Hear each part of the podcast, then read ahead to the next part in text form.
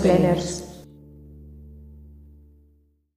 As Humansplainers contamos coa colaboración de Punto Gal. O dominio galego na rede. O dominio que axuda a topar todos os contidos en galego. Compra un dominio.gal a través dos seus registradores. Podes atopalos en dominio.gal. Dominio.gal. Boa tarde, señoras, señores e señoros en vías de rehabilitación. Benvidas unha semana máis ás Womansplainers, o podcast das señoras que máis forte opinan do podgalego. Un podcast da revista Luces co patrocinio do dominio.gal. Hoxe está de novo connosco Adriana Ordóñez, que é de Rianxo e traballa como psicóloga. Adriana fai educación sexual, tanto con adultos como con crianzas. Benvida unha vez máis, Adriana. Buenos días. Tamén está, como sempre, a Sara, que esta semana puido gozar por primeira vez dun San Jordi en Barcelona. Como foi a cousa, Sara? Caeron moitos libros e rosas? Pois rosas un par delas e libros tres porque me controlei, que despois teño que levar todo de volta para lá e non podo ir tan cargada, pero moi guai. Sí, creo que se ve mal de moitos. Esta semana a Saboridiña estivo tomando apuntamentos nunha sesión de contacontos para repetir ou mesmo superar o suceso esta vindeira terza contando contos ela mesma. Desexamos o mellor, Carme. É mañá, eh, non penses que teño tanto tempo, é segunda, non é non é terza, entón a ver como me sae, o público é un público moi diverso o que eu estou habituada, así que vamos facer figas a ver como sai. Moi ben, seguro que ben. E a malvada profe que tivo o prazer de estrearse como profesora de lingua palla para estranxeiras. Como está usted, profesora? Eh, pois de estrea nada, eu xa era profesora de lingua paia para estranxeiras no ano 2010 en Münster, Entón o único que fixen foi recuperar un pouco as antigas maneiras. Eh, e nada, a única diferenza é que agora en vez de ensinarlle alemán lle ensino a, a ucranianos, pero divertido. A verdade é que estou bastante estou bastante a gusto. E xa oístes todas a, a Janito, que onte sacou unhas fotos da, da Feira do Libro cun cunha bolsa que o único que sabemos de momento que era máis grande eh, que a da súa filla, que era teóricamente quen quería marcar os libros. Que había dentro, Janito? Confesa, que había dentro? Había libros. Había libros. sí, había un par de par de, de libros de literatura para xóvenes adultos, que chamamos americanos, que era o que quería a miña filla. E para min había cousas variadas. Merquei o libro de Antía Yáñez, o último, o do elefante. Merquei... Non foi único Que máis Non, non foches o único, non. es como máis no, plenos comprando libros de Antía Iaño. Ah, bueno, merquei a edición de, de, de Aira de, do Nome da Rosa, que é un libro que non lín no seu momento, porque empezar a ler en castelán eh, e coincidimos nun momento da adolescencia no que tiven así momento porque de... Porque preferiches ver o filme, a ver, di a verdade. Non, xa vira o filme, non, foi un momento así de, de, de un desengano amoroso e estaba así medio deprimido. Cosas da adolescencia totais. E, e deixei o libro para sempre E agora vou retomar. Pero hai persoas que tamén... deixan a Janito. Este sí eh? é un programa. Hai persoas que te deixaron a ti. No, no, nin sequera iso, no, nin sequera iso. Vale. No, no, no. Un bueno, encontronazo, así unha cousa, un malentendido. Nin sequera iso, bueno, no, no, prefiro non. Non deixaron no, porque non chegaron nin a Efectivamente, prefiro no, bueno, prefiro non, non entrar moito no tema. No, no. Ai, ai, por Dios. Oh, oh, oh, oh. Eh, E o terceiro é un destes de Josephine Tay, deste que tanto publicita a malvada profe, esta señora que diz que fai uns libros de misterio aí que alucinantes, entón, bueno, pois, eh, por probar. Nunca, nunca dixen que fixera Josephine Tay libros de misterio alucinantes fai uns libros de misterio moi clásicos porque é unha das tres grandes representantes así das, das damas do misterio da literatura inglesa do século XX. Son ABC Potito, os libros... Potato, a ver, realmente...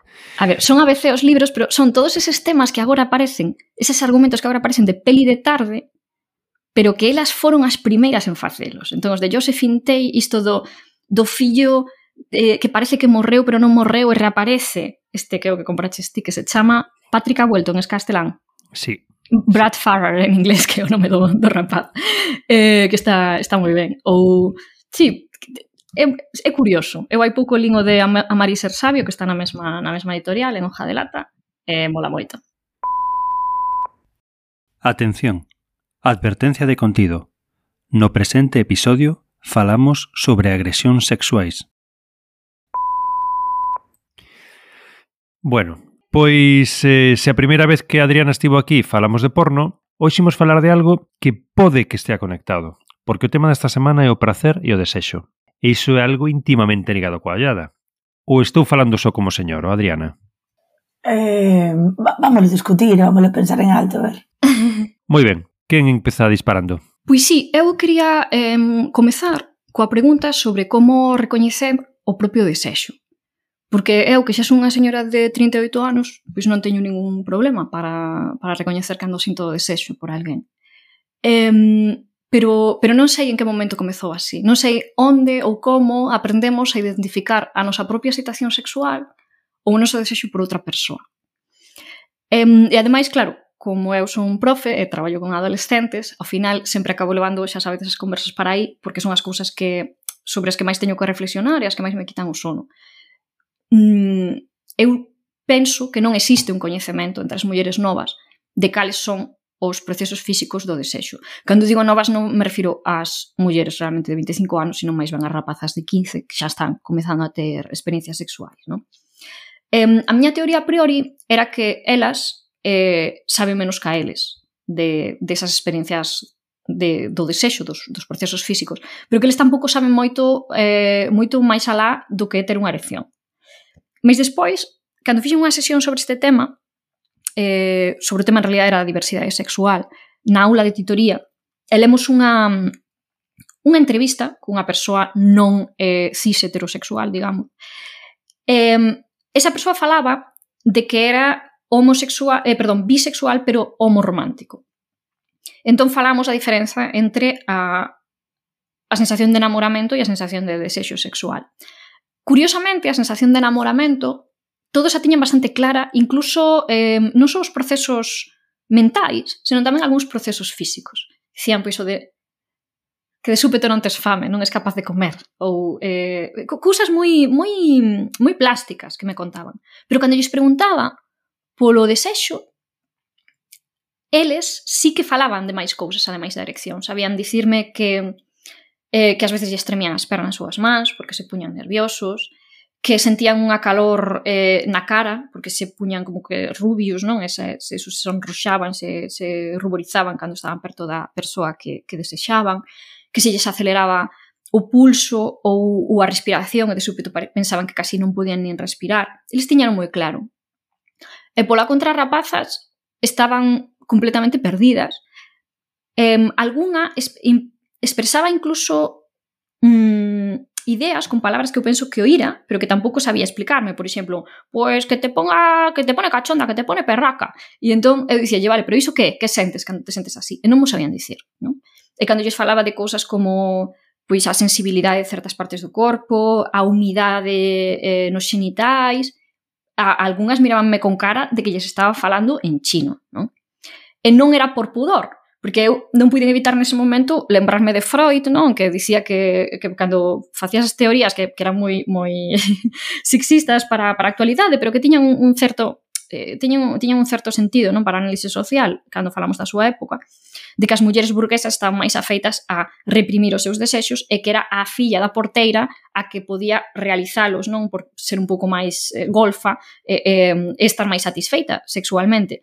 Pois as miñas alumnas son as fillas das porteiras, non son as rapazas burguesas. E aínda así, aínda que teñen unha, unha expresión da súa sexualidade moi, eh, moi explícita verbalmente, eh, e tamén a través da roupa, moitas veces, mm, eu penso que só se colocan como obxetos do desexo de outros, normalmente. Porque cando lles pregunto elas como sabedes que desexades un rapaz, non me souberon dicir absolutamente nada.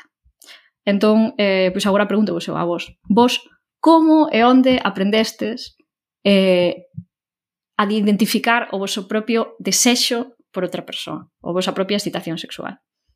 Se queres respondo xa eu.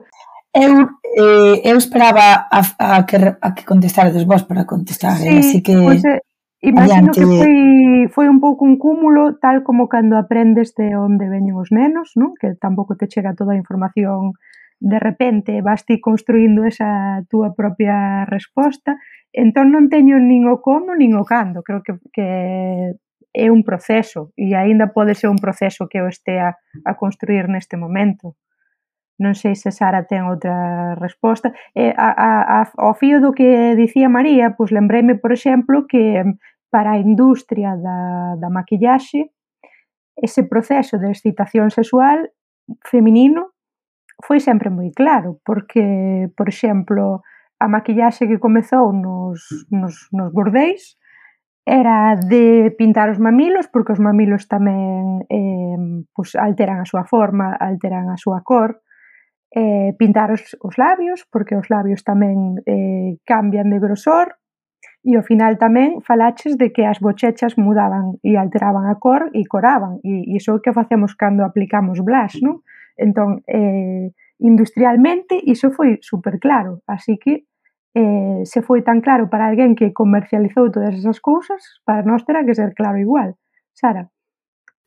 Eu é que quedei moi así como reflexiva ca pregunta esta, porque é unha pregunta moi difícil de contestar, en realidade. Eu non me extraña, malvada profe, que o teu alumnado de 13, 14, 15, 16 anos non saiba como contestar, porque eu teño 25 e ao final quedo así pensando cando foi o momento, pois eso, no que descubrín eh, como se producía en min o prazer, que afectos tiña e demais, e tampouco sabería sinalarche un momento concreto. Concordo ca, ca resposta de que dou Carme, que algo como que Pero sí. ela non lles, a eles non lles preguntaba polo momento, preguntaba xa, polos síntomas, é dicir, como sabe, e ti iso sí que o sabes, claro. Eu creo que, que o sabes a posteriori, non? Non sei como explicalo. No, no momento que sucede ou cando és adolescente, ao mellor non és moi consciente realmente dos procesos fisiolóxicos que rodean a todo isto, pero que o vas sabendo un pouco coa experiencia, ou polo menos é eh, a experiencia, vai a redundancia que teño eu.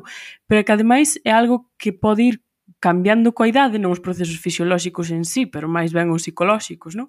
Que vai cambiando coa idade e que podes descubrir cousas novas coa idade. Quero dicir, eu eh, saindo do armario, entre aspas, como persoa bisexual con 24 anos. o, sea, o sea, non sei, non era algo que na adolescencia pasaba pola miña mente ou polo menos non de forma consciente.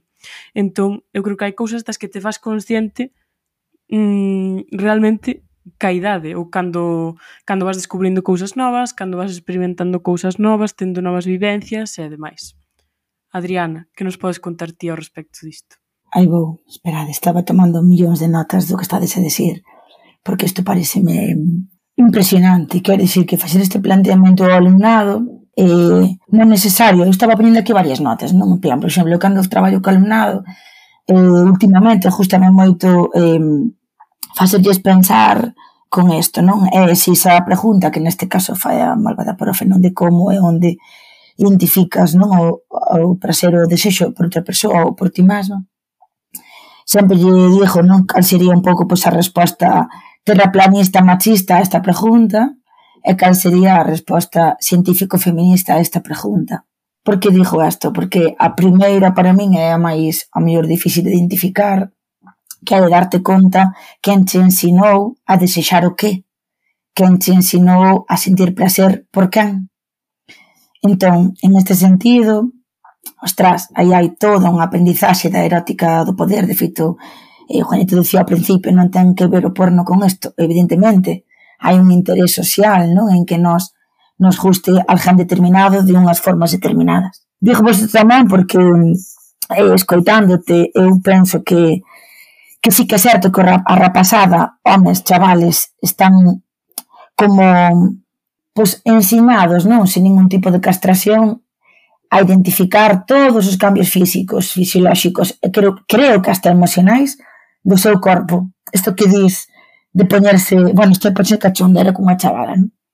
Pero sí que teñen ese permiso social para que se teñen unha adhesión a toquen, eh, sepan onde leva, onde non leva, eh, como que teñen un permiso de autocoñecemento, non? Do seu corpo mm, e as mulleres, non?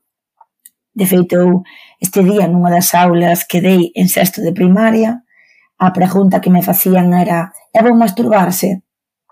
E claro, eh, un, unha porcentaxe eh, pois non sei, grande, por decirvos algo, da clase, eh, en este caso de nenos, sabían o que era masturbarse, sabían que era bo, pero as rapazas nin sabían o que era, nin se reconoce, evidentemente, que se masturban, non? Entón, esa clase levou a... Eh, Mm, non sei, como que eles eh, se comeran a frustración de coller o ritmo, non? Que levaban alas, que era moitísimo máis lento que o deles. Entón as rapazas era como, ah, espera, que teño que aprender todo isto. Ah, vale, que, que teño que saber que a mí me chaman porca, non? Socialmente por tocarme, identificarme, non? Sentir prazer, como que era un esforzo grandísimo de repente, non? Aos, eso, 11, 13 anos. Digo todo isto porque socialmente eles van identificar e, e nós non, nós vamos a tardar moitísimo máis en, en facelo. De feito, a respecto algo que decía Sara, eu apuntei aquí, non? A, e máis a consciencia de que de identificar no teu corpo que algo se move, non? Eu creo que a rapazas identificamos antes o disprazer que o prazer, o que non nos gusta que o que nos gusta. Ou polo menos toda esta educación sexual que leva que non fajas o que che gusta saca da man aí porca saca da man aí tal eh, creo que, que a mellor eh, nos identificámoslo pero logo no, no, logo no lo castran non? E digo todo isto tamén eh, apuntando aquí e notando aquí eh, unha actividade para mí moi divertida con alumnado de secundaria que é o tema do, do Pantone, non? da actividade do Pantone eh, pantone de pigmento rojo, pigmento, eh, pantone de pigmento rasa. Eh, poño isto porque o, o corpo en verdade cambia de cor, non? Cando ti te excitas, eh, faino tamén en, outra, en outro tipo de actividades sexuais como o propio parto ou o que sexa. E cando lle preguntas a rapazada, ti por que sabes que ti te... excitas? o tamaño do sexo é uno para darlle esa pista de excitación, non?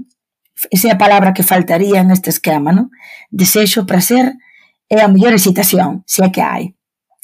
Entón, eh, o que decían era que non identificaban para nada os cambios de cores, non? En ninguna parte do corpo, nin nos beixos, nin, nin na pel, non, non identificaban nada.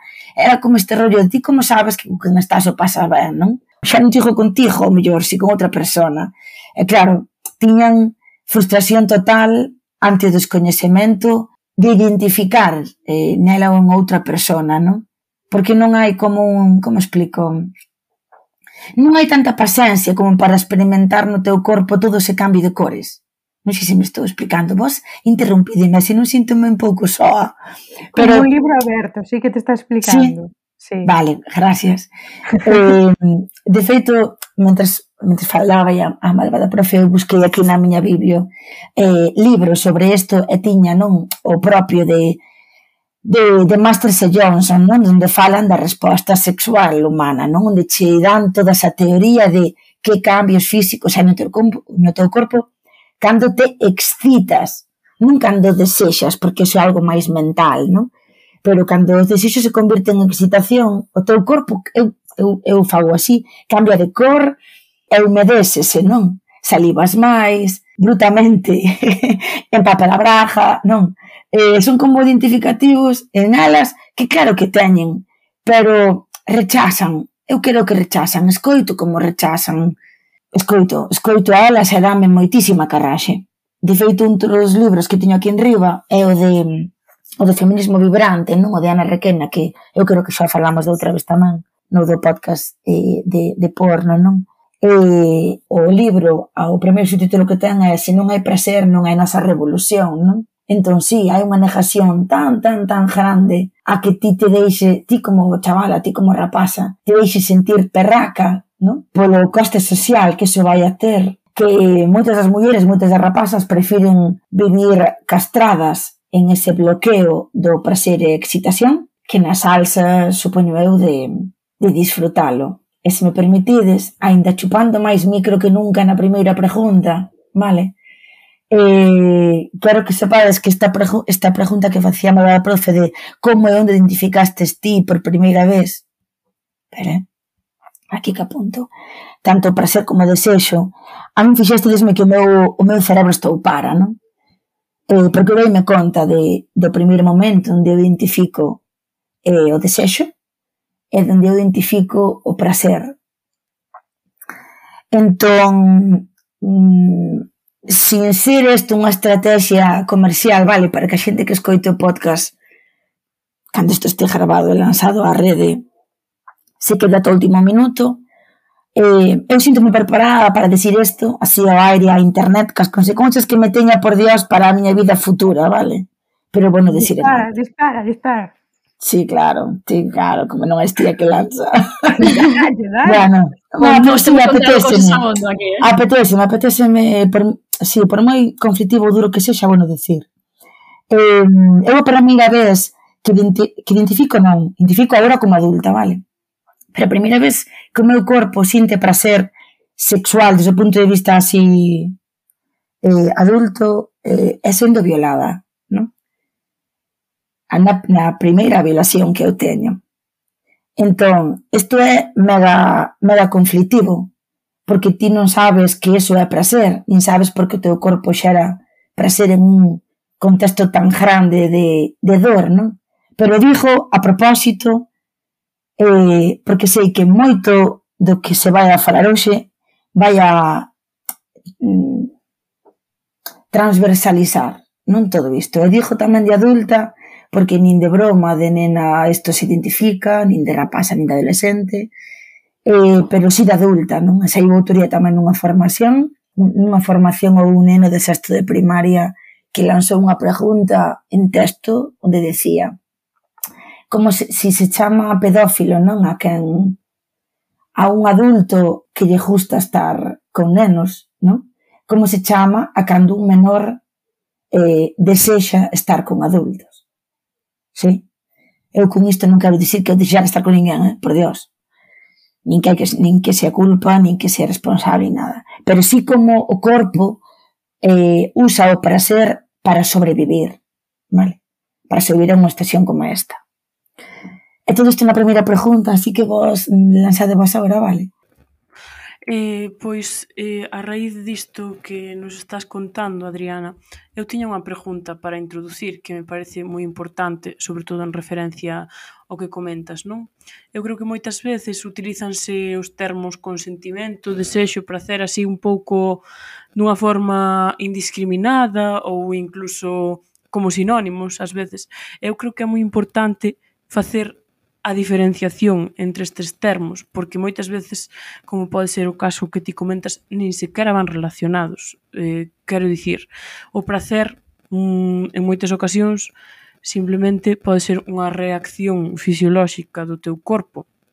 Sen máis, tamén creo que eh, é bo diferenciar entre prazer físico, fisiolóxico e prazer psicolóxico. E despois, por suposto, eh, vai ligado moitas veces ao desexo, pero outras veces non. Moitas veces pode haber desexo sen prazer, prazer sen desexo. E, por suposto, tamén creo que é convinte relacionalo co consentimento, porque debería coexistir estes tres termos en conxunto sempre, diría eu, non? Pero moitas veces non é así. Moitas veces hai consentimento e non hai desexo, ou non hai prazer. Non hai consentimento e hai prazer físico, fisiolóxico Entón, eh, quería que falásemos un pouquiño acerca destas cousas. É un tema así un pouco denso, quizáis, ou complicado, pero coido que é importante, non? Que opinades vos? Malvada profe. Bo, eu, antes que nada, quería agradecerlle a, a Adriana que, que nos falase disto. Primeiro por sí. contarnos a súa experiencia, que imagino que non é doado falar en público diso, eh, e segundo por facelo dunha maneira que, que rompe cun tabú, non? Eh, cun tabú que, nos, que todos sabemos que existe, porque, porque ademais é algo do que se fala constantemente eh, e ás veces pois máis que na prensa, incluso diría eu ás veces vendo películas ou series sobre sobre temas, non, de cando se xudicializa o asunto do, das violacións ou dos abusos sexuais, intenta moitas veces iso confundirse o, a excitación co consentemento um, que é unha diferenciación bastante importante. Algo que é moi terrible no caso pois dos abusos a, a menores, como eh, pois, pasa tantas ocasións, non? o que, o que falabas ti, Adriana, de, de que alguén poida ter un, un orgasmo eh, sen a necesidade de, de desexar facer ese acto, simplemente por unha pura reacción física. Incluso ás veces en homes que, que sofren eh, violación sendo, sendo novos e que por unha propia reacción pois, da, da, da próstata ou do que for tamén exaculan e, e que os fai duvidar sendo homes eh, pois, heterosexuais da súa propia mm, orientación porque les din eu non quería facer aquilo, non me sinto atraído polos homes, pero fun violado por un home eh, e sentín prazer. Non? E algo pois bastante terrible. Eh, e lembrame unha conversa que tiven hai pouco, moi interesante, con alguén tamén sobre as, a diferencia entre unhas cousas e outras, non? Porque Um, eu penso que hai unha enorme diferencia entre isto sabemos todos, non? entre as fantasías e a realidade entre o, o que nos provoca desexo de maneira psicolóxica e o que despois a hora da verdade nos excita físicamente que pode ser algo moito máis simple ou menos complexo porque as fantasías poden ser algo terriblemente elaborado um, e coido que, que tamén habría que, que educar non só a xente moza, tamén os adultos, no feito de que que alguén fantasee con algo, eh, que lle guste falar de algo, que lle guste incluso quizáis velo nunha, nalgún tipo de pornografía, eh, que lle guste compartilo con outra persoa, non significa que lle apeteza realizado. Eu penso que todos podemos ter fantasías sexuais máis ou menos eh, elaboradas e, eh, eh, ás veces non sei como dicirlo, pois kinkis, non transgresoras, que, que aínda que queiramos gozar da propia fantasía, iso non significa que queiramos executala, porque a súa execución pode, eh, pode conlevar unha serie de riscos, que poden ser riscos de saúde, que poden ser riscos sociais, que poden eh, simplemente mm, supor unha ruptura dun contrato de, de, por exemplo, de monogamia ou de, eh, de, de outro tipo que podamos ter coa nosa parella ou parellas, non? Um, e, e coido que é algo do que quizáis tamén deberíamos de falar, non? De que podemos fantasear con cousas que ou falar de cousas, non? incluso compartir, eh, agora pois, faise máis sexting, en noutros tempos eran pois, cartas eróticas elaboradísimas, um, que non non son cousas que temos que, que realizar despois, e que, e que falemos delas e que as desexemos um, como fantasía non significa que queiramos executalas e que estamos consentindo a súa realización con outra persoa. Carmen. Quería agradecerlle a Adriana a súa xenerosidade por eh, introducirnos neste tema e facer un pouco esta, esta confesión. Eh, posteriormente coserme a boca con dous puntos porque eh, estaba como incitando que Adriana falase e, e non sabía claro que o que ia falar despois. Eh, recordar a nosa audiencia que temos tamén un programa sobre o consentimento que creo que é oportuno escoitar, non enlazado un pouco con este, porque vai haber varios aspectos que mm, pois que ao final van, van colidir un co outro ou van ser complementados un co outro. E agora eh, dedícome a escoitar e a aprender de Adriana, que estou esperando a súa resposta. Se non se equivocaron ao pinchar, xa saben que isto é a actualidade está sobrevalorada, un podcast de luces, e que debullaremos o que faga falta con Ana Luisa Bouza, analista finestilista. Hola, Ana. Hola, José Manuel. E con Antón Losada, Mariñan Lover e Rudo Fajador. Hola, Antón. Hello. Aquí estoy para este party.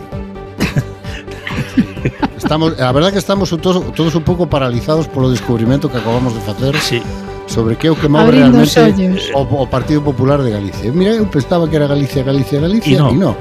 Que nos pode invadir Zamora. Como cada mércores en luces.gal, a actualidade está sobrevalorada. Cumprido, cumprido nos, a nosa misión de servicio público. Emplazamos vos entón para a semana que ven e agradecemos vos sempre a vos escoitado.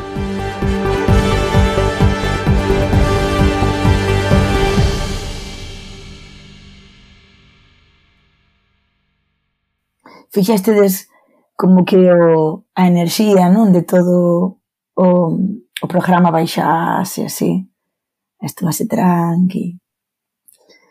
Eu reconoce que me sinto moi rara e incómoda cando a enerxía baixa tanto, vale? Que como ai, sinto moi rara. Bueno, contaste vos justamente este xogo de palabras que planteou a, a Sara, non? De como de como é ben que identifiquemos eh, o orden de que haxa estas cousas, non? Desexo, prazer, excitación, consentimento. Foron todas as palabras que anotei, non? Pareceme eh, moi conflitivo e a vez eh, un, un reto moi grande, vale? Eu apuntaba aquí a vez que falabades o tema do placer fisiolóxico, psicolóxico, eu apuntaba, non? Eh, O prazer é bo, é malo, é algo agradable, é algo desagradable, culturalmente podemos sentilo, non o podemos sentir. eh, para min, sentir prazer é conflitivo eh, en todas, de todas as maneiras, non? De todas as maneiras. Falo eh, sempre de, de rapazas ou mulleres, non? Ahora mismo. Por que digo isto? Porque mm, No momento no que ti te das conta das utilidades que ten para o corpo a sentir prazer, entras en un montón de distorsións cognitivas, non? un montón de conflitos, de conflitos mentais. Outro día, nunha das aulas, esta semana, falando sobre os bonobos, non? Eu preguntaballes a xente, as familias, sabedes que son os bonobos? E dicían, son os chimpancés que sinten prazer, non? E dicían, resolven conflitos, eh, deitándose, practicando sexo, tendo, non, non, non, non usan a violencia, non, non a montan, non para para eh, este conquistar un territorio, conseguir pois iso, mm, alimento, por exemplo, non? Sino que se montan entre eles, non? Elas para para, claro, para Sabes, Adriana, que temos un programa de pirolas onde tocamos o tema dos bonobos. Tamén. Ai, Terei que buscalo, terei que buscalo, por Dios. Ese non lo escoitei, eh? Ah, escoitei moitos. Vou facer unha búsquedas que... Vídeo, incluso. Hai vídeo? Ostras, sí. quero buscar, vale. Ese foi, vale, ese foi en Twitch, en directo. Ah, oh, que pasaba en directo. En directo ten que poner mucho. Vale, vale, vale, vale. En directo ten que estar genial. Pois pues, sí, iso interesa moito, porque mm, ao fin... Eh, outro día dixen unha rapaza, non? Dixen, non, escribían unha pregunta. Por que as relacións sexuais dan placer? E pareceume boísima, porque en verdade é unha cuestión de supervivencia, é unha cuestión de, de, mi de benestar. Ten que ser benestar, ten que ser benestar, ten que ser maravilloso. Ainda nas situacións máis jodidas ou nas situacións máis complicadas ou máis traumáticas. Que ben que haxa algo que, que che xere, non sei, oxitocina, que che xere un montón de respostas eh, cerebrales mm, unidas á vida, se me permitides, non? Quero que a mellor é unha resposta como moi biologicista, non? Como moi médica, como moi filoxenética, como moi tal, pero eu creo que é bo como separar, non? A, a propia finalidade do corpo cando sente prazer, de que mal lle parece o mundo que ti sintas placer algo así, non sei se si sirve. Pero a min eh, eu sempre penso en quen escoita, non estes estes podcast. Quen escoita os podcast e penso, as respostas teñen que ser entre do máis e sencillas ao máis científico feministas posibles, non? Entón, se aquí é un conflito eh, social, machista, que as mulleres sintamos prazer, eh, non lle queda, non nos queda máis que má, outra que, que descubrir onde está, como facelo. Eu dixemos todo isto con unha planta que teño aquí diante, que me regalaron outro día, unha muller maravillosa que se chama Lucía, eh, regalaron unha planta eh, da erva de namorar que pon, se non é con prazer, non é a miña revolución, eu puxo con seseo e todo, vale? Entón, eu creo que gran parte deste podcast ten que ir a, a como se fose un manual de supervivencia básica para rapazas, non? De, mira, se sientes en este, no, se sientes no teu corpo, sí? unha lixeira humidade, todo vai ben. Se ti sintes que o corazón che late moi rápido, todo vai ben. Funcionas. Todo vai ben. Sabes, como que estamos devolverlle a elas, mira, non rompestes nada, mira, non sei, como unha resposta de tranquilidade automática, non?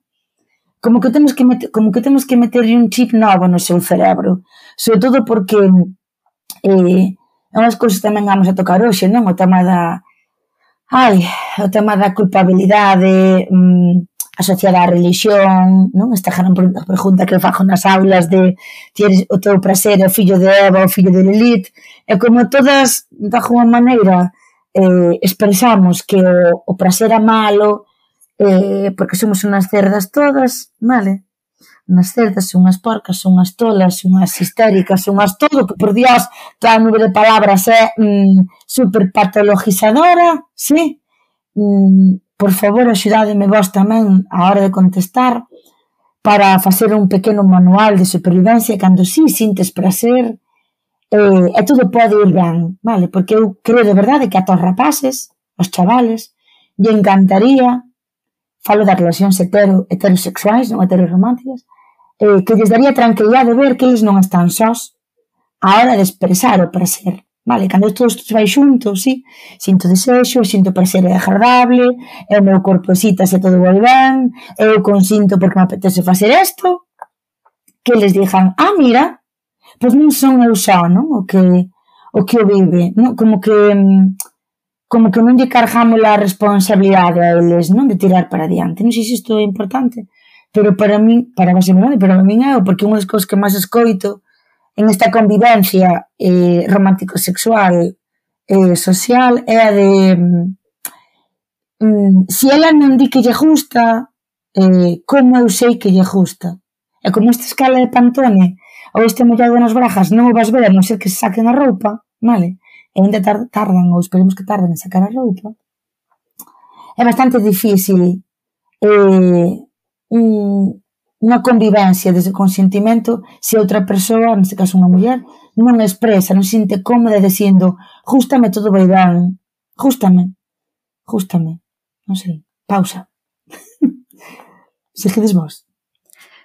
Pois, eh, para, para enlazar co, co que estabas a dicir do, dos, bueno, eso, do, das túas experiencias nas conversas coa rapazada. Claro, as miñas conversas coa rapazada son moi diferentes porque eu son agora mesmo unha, unha adulta de máxima confianza porque eh, falo disto non nunha charla ou nunha, nun obradoiro dúas, tres veces, senón todas as semanas non con eles. E son xente con quen paso pois, oito horas a semana, que ás veces son máis do que pasan, polo menos falando, eh, algúns pais ou nais. Non? Eh, é unha cousa, claro, eh, diferente tamén que o meu alumnado mm, de o equivalente a terceiro de segundo de primar son rapaces de 15, 16 anos, algún fai 17, e a maioría xa tiveron eh, relacións sexuais, heterosexuais, homosexuais, eh, e falan iso, a, a, bastante abertamente do tema. Quero dicir, creo que o problema non está na, na represión, neste caso. Neste caso, digo, neste grupo en concreto, non? E por iso me chamaba a atención a súa, en parte a súa incapacidade para, para formulalo. Eh, ti dicías antes esa pregunta que che fixo un neno Mm, sobre o, sobre o asunto do desexo dos nenos cara aos adultos.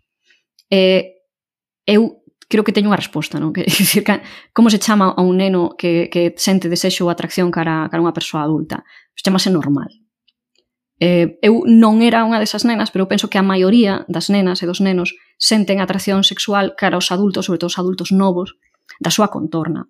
E ademais penso que hai unha explicación aí que non é necesariamente biolóxica e que non ten necesariamente, eu creo que moitas veces se falado das posicións das persoas en posición de poder, etc. Pero moitas veces non é iso, porque son esa persoa pode ser un, un non sei, o irmán ou a irmán maior dun, dun amigo, pode ser unha, unha veciña. Eu penso que o que ten que ver é con que a relación do, da rapazada, non dos adolescentes, eh, coas persoas adultas da súa contorna é unha relación de cuidados, é dicir, están afeitos a pensar que as persoas que están eh, adultas que están ao seu redor están aí para coidalos, porque somos maioritariamente persoas da súa familia e os seus profesores, ou quizáis algún veciño, eh, pai de, dun, dun amigo, etc., que dunha ou doutra maneira ten unha posición de cuidados cara a eles ou cara a outras persoas da súa idade. Tamén pode ser pois, eh, o profe de clases particulares, estou pensando porque lembro que eu tive un profe de clases particulares de, de nada, que me deu un par de clases de matemáticas, un día 15 anos, e as miñas amigas gustoulles e parecíalles moi guapo, e non sei que a min pues, un, un de 22 parecía un bello, decía, pois pues, si ten entradas, este tipo que isto vai enxeñería, parecía un bello. As miñas amigas non. E ten sentido porque, eh, porque esa fantasía cara ao adulto che permite um, un espazo onde, onde a experimentación pensas que podes realizala dunha maneira segura, é dicir, onde a outra persoa non é ameazante. E ademais, co plus de, de, de atractivo de que esa persoa posiblemente ten experiencia e che pode ensinar cousas, que en xeral o que fan os adultos cando ti es neno. Eh, pensas que se si estás con outra persoa a tua idade pode ser todo un caos, porque igual ningún dos dous sabe ben o que ten que facer, non? ningún dos dous sabe coñece ben os mecanismos do asunto, e que ademais eh, bueno, eh, estás máis acostumbrado a esa idade a ser agredido dunha ou outra maneira eh, polos teus pares, non? Eh, que por, por, por persoas maiores, non? Eh, entón, eh, aí hai máis, quizáis máis ansiedade pola de rendemento, que, que, que o medo principal dos rapaces, ou de, de outro tipo, ou, bueno, os rapaces tamén ás veces teñen medo a sentirse humillados, é unha palabra que di moito, non? Pola rapaza en cuestión, se non o fan ben, as rapazas teñen medo á violencia física, eh, eh, imagino que outras cousas, pero moitas veces a dor, e medo, medo directamente a, a dor do propio proceso, incluso cando desexan. Entón, pois eu diría que un neno desexe ou sinta atracción cara a un adulto, pois é normal. Eh, que, que, que sexa ao revés, pois non é normal. Supoño que ata aí estamos todos máis ou menos de acordo. Eh, a Adriana, querías responder aquí? O que me parece super interesante que que dixeras que non é normal, non? E vai ser raro tamén que eu che conteste isto, vale? Pero vouche dicir. En verdade, eh, ti non podes decidir sí? quen che guste ou non. Entón, unha cousa é que a ti che guste un menor, outra cousa é que toques. Ou che guste unha cintas de sexo sexual, por un menor.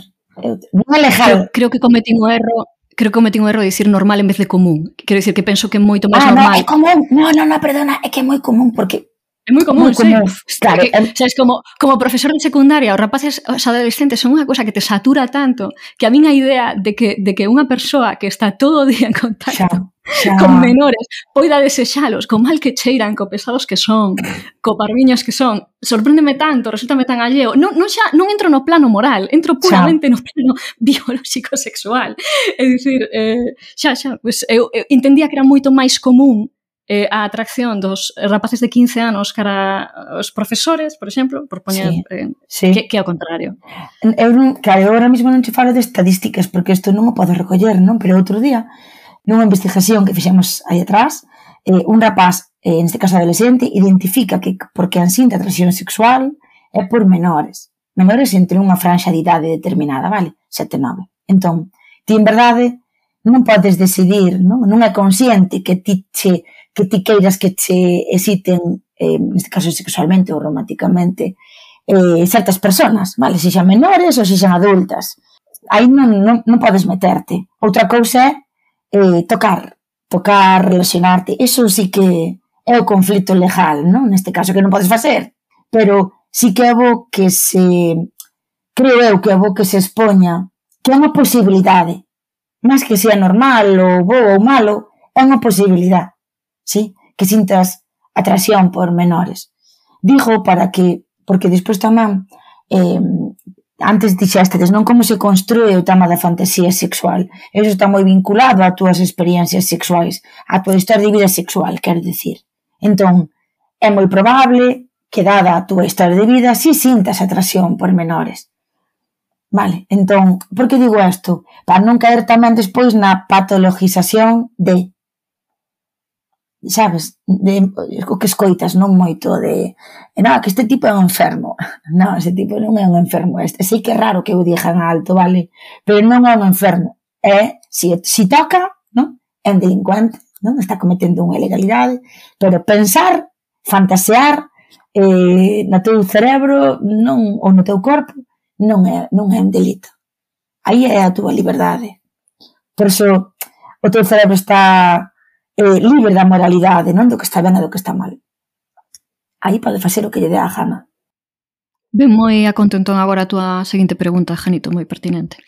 Sí, tamén está ligado co que eu dicía ao principio de todo falando do porno tamén, porque hai fantasías que temos, homes e mulleres, que non encaixan moito con o noso pensamento. En concreto, co pensamento feminista, ás veces é difícil encaixar certas fantasías que podemos ter que non porque non encaixan, non, non responden a nosa nin ao noso comportamento habitual, nin a nosa, nin a nosa ideoloxía. Arroba Galiza BDSM, Sara. A ver, eu penso que aquí é moi importante, por un lado, o que dicía Adriana, non? Que na túa mente pode haber cabida para, para o que sexa. Despois outra cousa é a moralidade que ten eh, ou a legalidade que ten en algún caso leválo a cabo ou non. Por outra banda, eu creo que aquí é moi importante falar de, de consentimento e de consenso tamén, outra vez, non? Que é o que non é feminista nunha relación entre dúas persoas adultas que consensúan e que consinten as prácticas que van facer. A ti pode che parecer desde fora unha práctica marciana, unha cousa moi rara ou moi tola que ti nunca farías, pero se a persoa, persoas, eh, individuos que a van realizar consinten, consensúan, falan diso, eh, justalles facer iso, pois xa está, non? Vamos ter incoherencias na nosa vida. Sara, sí. a fantasía de ter sexo sen consentimento? Vale, eh, depende. Aquí depende. Quero dicir, podes facer un consent non consent que é unha forma pois mm, que se encadra son prácticas que se encadran no marco do BDSM na que ti estás mm, consensuando e consentindo previamente a facer a práctica, evidentemente, que vai ser unha práctica simulada de non consentimento. Obviamente ti isto non o podes facer cando unha das partes non consente, porque entón estamos falando de outra cousa, estamos falando dunha violación. E a liña aí está clara e o límite hai que marcalo. Non sei, queda a cousa aquí un pouco así tal, malvada profe.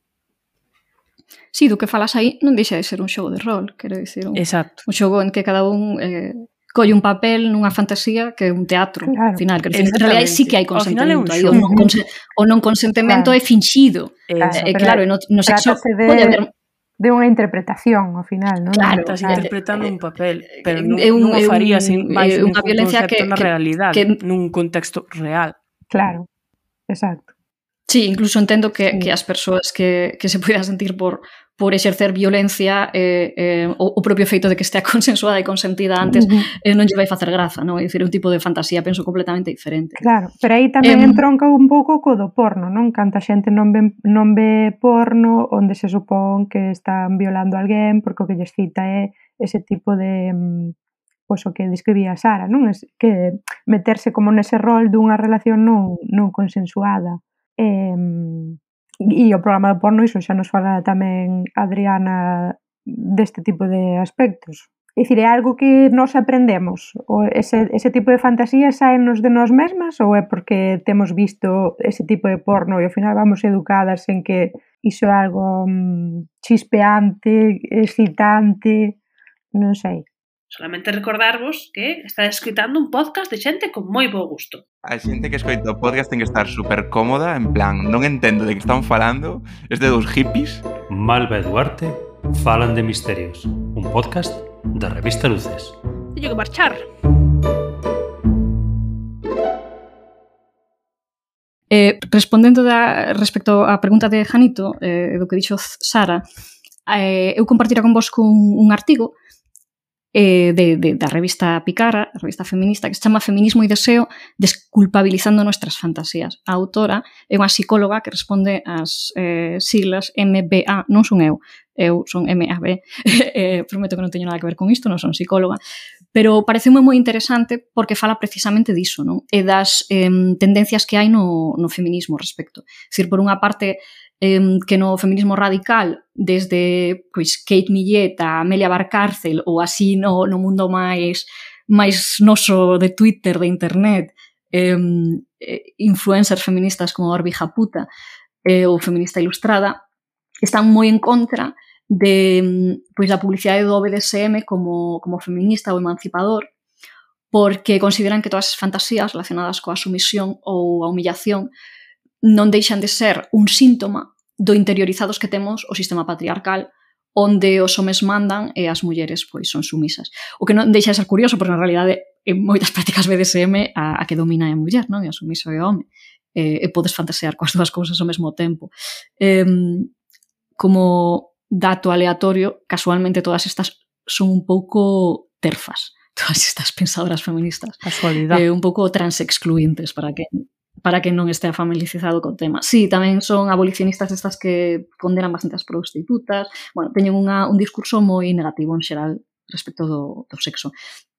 Eh, en outro, pois, no outro extremo podríamos ter eh, pensadoras do, das correntes máis sex-positive, como eh, Virginie de Pant, como eh, Pat Califia, como pois en España pois Ana Requena, eh, ou antes, bueno, estaba, que de feito estaba falando, antes falou do do, do seu libro Feminismo Vibrante eh, eh, Adriana, no? Que, que falan un pouco pois, de, de todo o contrario, de que unha, unha fantasía sumisa pode ser empoderante na medida en que ti estás pois, precisamente deixando de reprimir os teus os teus desexos. Entón, bueno, recomendo a lectura dese artigo que é relativamente longo e dá unha chea de, de referentes así moi interesantes. Adriana. Gracias. Eh, a ver, eu paso polo principio, non polo final, se non me ordeno. Eh, estou super de acordo eh, coa Sara en que si o que ti desexas e che pan perraca, como din as rapazas, sí? Eh, pois hai un acordo con outra persoa en facelo, iso é maravilloso.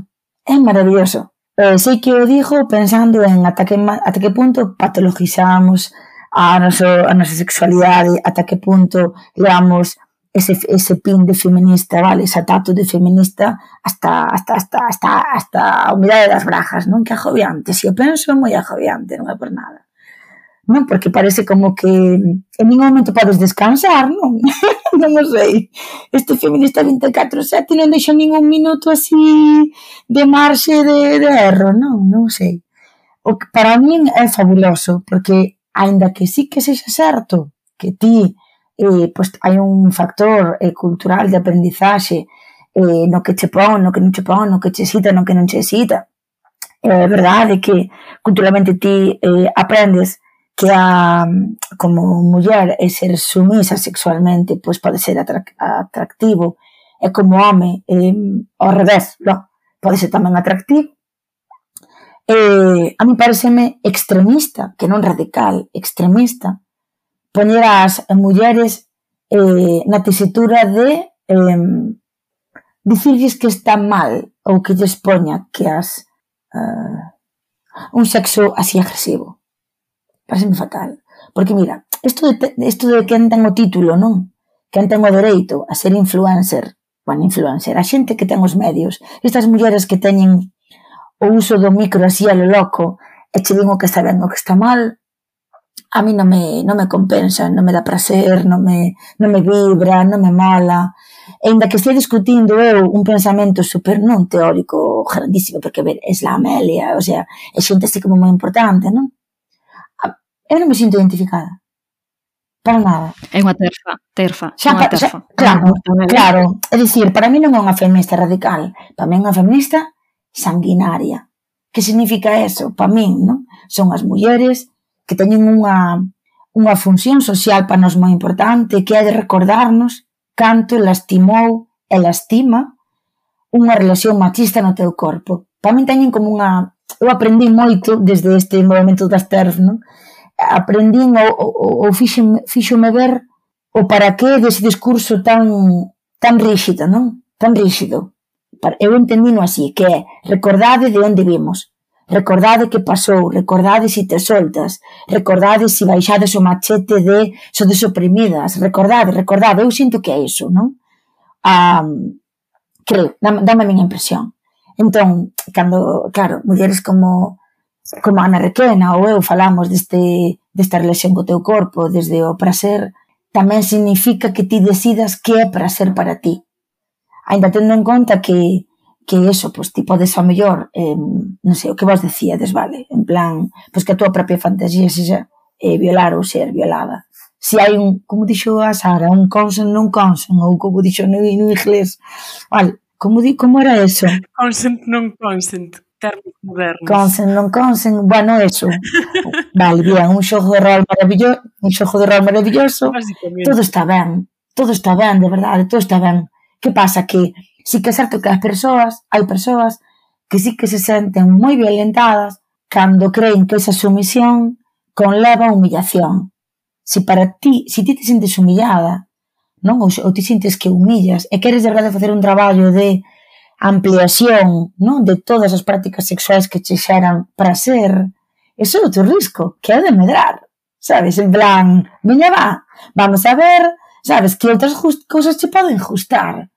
Eh, eso é un reto eh, social sexual enorme, enorme, que non todo o mundo quer facer. Eu convido, convido a, a abrir, por Dios, non toda esta eh, todo o que significa fan, fantasear, que che pon que non che pon, non sei. Convido tamén, eu, cando falaba, cando o Janito falaba desto, non, da, tema da, da do porno a sumisión, acordoume unha peli que eu vin da Erika Lust, ou Last, como se pronuncie, onde, tío, que estás vendo é como hai unha tía eh, que é perseguida por tipos eh, que teñen máscara de lobos, non? E, e de aí, eh, bueno, pois pues hai un sexo en grupo con sentido, non? E dis ti, hostia, que conflitivo, non? que conflitivo. Vale, pero a mellor hai parte da población que aínda está aí Vale, e que hai momentos onde iso lle cita e está ben. Vale, non o sei, eu de feito, mentre falabades, tamén busquei este libro eh, que eu merquei fai un montón de anos, que é o tema este de tamén os jabalís se vensan en la boca e outras curiosidades sexuales de reino animal, non? E cando abrín o libro, xustamente foi eh, polas orgías, vale? Que tipos de animais fan orgías?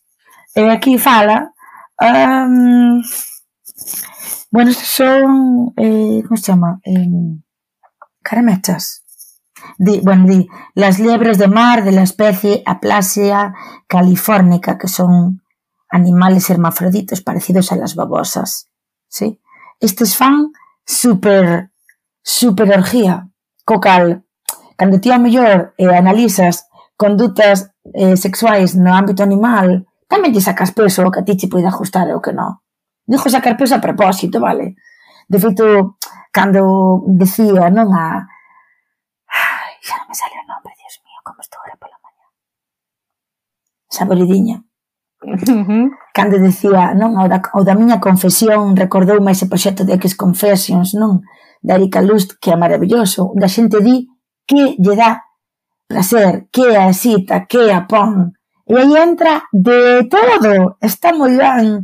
Eu creo que é boísimo, que é moi, que, que educa un montón eh, ler as, a fantas, as confesións eh, de fantasías de outras persoas para abrir todo o teu eh, territorio, non? Perdón, todo o teu mapa, non? E conocer outros outros territorios. Así que, feminista radical, para min estas mulleres non o son, son feministas sanguinarias, que está moi ben que nos recorden, vale, de que de que fomos lastimadas, pero despois deso, nós, como xeracións ao mellor máis novas, non o sei, podemos permitir a, o, como se di, o, o risco ao mellor eh, actual de, de si disfrutar, de si, de si poñernos, non sei por qué, pero estou repetindo a, a palabra perraca mm, así como transversalmente todo o podcast, vale, pero si poñernos perracas eh, e non pasa nada. E así ter unha xaculación na túa cara ou nas túas tetas ou na túa lombo onde, onde carajo queiras dun home ou dunha muller, vale, ou, ou con semen ou co líquido este exaculatorio dunha tía, vale, e non pasar nada. Non pasar nada eh, malo, senón disfrutalo. Vale, non o sei, a muller... Ah, unha cousa, perdón que me quedo atrás da pregunta anterior. Eh, que me parece super importante. O cuidado en sí é presenteiro. É moito a propósito a palabra cuidado, porque cando nos falamos de sexualidade ou de practicar sexo con nós ou outras personas, parece que a palabra eh, cuidado só vai vinculada a cambiar os meros de eh, edad, cambiar os bebé, ou cando tens máis de 70 anos e te ten que cuidar outra persona e cambiar os absorbentes. Vale? por exemplo. Sí? E digo isto a propósito porque mm, si, si, si a revolución eh, non, con, eh, non leva placer non é nosa, se non leva cuidado tampouco. E dixo isto a propósito porque día fala a Sara da BDSM, e o BDSM son límites, claro que son límites, pero a palabra límites tamén é un pouco tensa, non é como mm, ata onde. En verdade é, é, é unirse, vestida ou desvestida, a través do coidado, do que me mola, do que non me mola. Digo porque a palabra como que non se usa moita, non? Eso, vou poñer coidado máis que límite, porque límite, a mellor rechazo a palabra límite, porque non sei exactamente onde acaba e onde empeza, non? Isto que falamos moitas veces do eh, que vos falastes no outro podcast, o do consentimento, non? O contrato do consentimento que temos que poñer? Pois é un cuidado, é unha seguridade, non? Da que falaba antes a Malvada Profes, é un contexto de experimentación seguro, vai haber cuidado, entón, en calquera momento podo parar e dicir, ei, ti, isto non mala. stand by, stand by, a outra cosa, sí? Pero aí vai, eso vai a pasar cando haxa un exercicio da voz, do que me mola, do que non me mola. De feito, estou que tiñamos, se, se, este, se este podcast eh, fora un vídeo, non? E poderamos poñer uns subtítulos continuos, poñería usar a voz está ben, que digas o que pensas está ben, que, de verdade, que portases está ben, que deixeses coa lingua está ben, que uses a lingua está ben. Non sei, eu sigo co meu manual, sí, de, de, de prazer para, para rapazas ou mulleres. Sentir justo está ben, a la outra. Cando, cando publiques, cando publiques quero lelo. Pois o primeiro que che teño que dicir é que adoro o termo de feminista sanguinaria. Sí. Ah, eh, e ademais é curioso porque estas feministas sanguinarias adoitan ter bastante obsesión tamén cos, cos eh, órganos eh, reproductivos, co útero, ah. coa, coa cona e co tal. Entón, é, é fantástico. Eh, teño unha fixación así coa menstruación e coa capacidade reproductiva.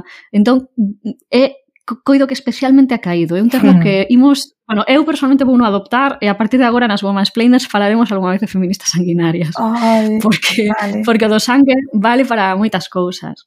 Sí. Despois, a propósito da... Para matar, para morrer. Claro. Eh, despois, ademais, en relación co, co que falaches da, da peli de, de Erika Lust, da, dos lobos, non? Que, que imagino como unha especie de, de conto da carapuchiña pervertido de alguma maneira, que conflictivo. Mm, eu penso que hai hai fantasías que son aínda máis conflictivas desde o punto de vista das das feministas que as que incorporan violencia, porque nas de violencia polo menos podemos dicir que hai un unha clara división, non? Están as que están a prol e están as que están en contra. Pero que malas son as fantasías que nos fan sentir pouca sororidade, que somos poucas sororas, que somos malas amigas, malas irmás de outras feministas, non?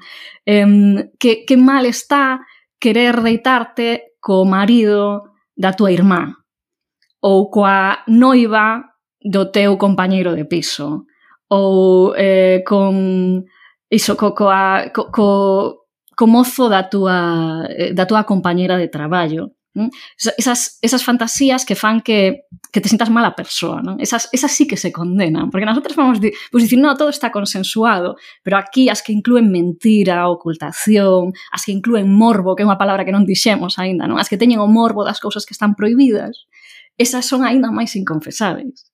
Eh, e agora que está dicindo de falar de ser mala irmá, tamén pensaba nas fantasías relacionadas por exemplo, co incesto entre irmáns, que, mm, que é un tabú social, e de feito é unha, desde o punto de vista do, pues, por exemplo, do matrimonio é ilegal, casar entre irmáns, pero o certo que existen casos, non? sobre todo de irmáns que se, que se crían separados e despois se coñecen, son irmáns biolóxicos, e acaban, acaban xuntándose mesmo tendo fillos. Eh, hai algún caso en España que non, non poden casar legalmente, ben curioso, non? Mais que unha pregunta, teño unha reflexión. Prezada Adriana, Cando Cris III estivo aquí, deixou esta pregunta para ti. Cal é o teu xeito de desconectar? Que é esa cousa que te fai feliz e, e coa que, pois iso, todo o demais se queda nun segundo lugar? Que difícil para min, eh, xa vos lo dixo. Desconectar. Uf, primeiro, eso casi nunca fajo. Casi nunca. Cando son capaz de facelo, eh, como e leo Sirve? Sirve perfectamente, ademais ten que ver co que dicía o outro día malvada profe de ese tempo que temos que atopar para ler en condicións e desconectar ah. e relaxarnos. Sí, eu leo, si. Sí. Bueno, mozas, pois despois de todo o que aquí falamos e debatimos en tan boa compañía, creo que é o momento de, de deixalo por aquí, aínda que como temos tanto que dicir disto, xa os adiantamos, querida audiencia, que vai haber segunda parte eh, sobre este tema. Así que moitas gracias, Adriana, por acompañarnos, eh, por abrirte tanto a nós e por compartir este tempo con nós. De nada, para min é unha oportunidade moi moi grande de recordarlle a xente o, o uso que ten que usemos a lingua. Quedamos con esa frase como resumo deste episodio. As consecuencias de usar a lingua. Sí, sí. As consecuencias de usar a lingua. Pois moitas gracias. Eh, moitas grazas tamén Saboridiña por acompañarnos, como sempre. As consecuencias de usar a lingua. Supoño que por iso estudei filoloxía.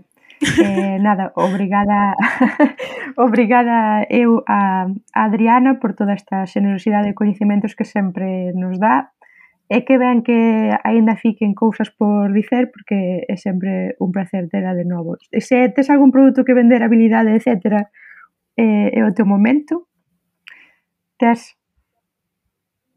tes Adriana, negocio, etc., cousa, empresas, cousas que emprendas, é, é o teu momento para facer autobombo. Espazo publicitario. Ai, mirade, eh, espazo publicitario, espazo publicitario. Eh, bueno, A mí eso non me gusta facelo, xa vos lo digo, eh? non me gusta para nada eh, vender, non? Como se di. Pero mm, eu dixo vos, co paso do tempo, eu deime conta de que significaba que eu usara a miña voz, non? Como, como profesional, vale? E tamén como, como muller, como Adriana que son. Adriana con H, como di as outras. Entón, decidín eh, unir todos os me, as miñas vontades político-amatorias feministas vibrantes en unha cousa maravillosa que se chama a Fundación Con Calore. Eso é un espacio maravilloso, sí, onde as eh, mulleres poderán aprender a lo loco a dicir cousas eh, a ver como explico que se entenda, eh? porque eu son moi poética, sí? a dicir cousas moi desagradables que tiveran que ver con eses momentos onde fosen violadas, porque é unha fundación específica para eh, atender, recoller, sí, axudar a mulleres que fosen a mulleres que fosen agredidas sexualmente e pola outra banda a permitirlles reconstruirse, repararse sexual e socialmente. Así que en este 2022 vos teríades que ver a cantidade de eventos, eh, de actividades que, que lancemos desde aquí, desde esta fundación. E dijo, bolo, sendo consciente de que desde rapaz eu son educada no de ti ves, ti oes, pero tens que calar, e a vez desde o impacto eh, social negativo, vou dicir negativo resistente que pode ter moita xente a que use a voz porque cando eu decido crear esta fundación é cun obxectivo puramente político, político-sexual. É dicir, eu aí non, non teño ese perfil profesional, senón teño un perfil de presidencia vitalicia, sí. Ese é o, o que me custa, o que, o que me custa é, é, é, resulta moi difícil, é, pero a veces quero sentir orgullo eh, de que exista unha ferramenta así a nivel galego. Sí, vai ser Pois moitas grazas, Adriana, por usar a túa voz e por dicirnos a todas que a usemos e por axudarnos a facer. Mm. Así que, nada, despídome tamén da malvada profe, moitas gracias por ser tamén unha filóloga que usa a lingua, María. A lingua ou as linguas? Eh, ollo o uh. dato, eh? Propias e alleas, e aí deixo iso. Janito, Espero que ti tamén utilices as linguas todas que poidas. Eu utilizo todo o que me deixan e eh, hoxe aprendín moito tamén. Así me gusta que os señores teñen que formarse tamén nestas cousas. Bueno, pois moitas grazas a todas outra vez pola vosa compañía e o vosso tempo e vémonos no seguinte episodio. Deica a semana que ven. Chao, chao. Chao. Chao.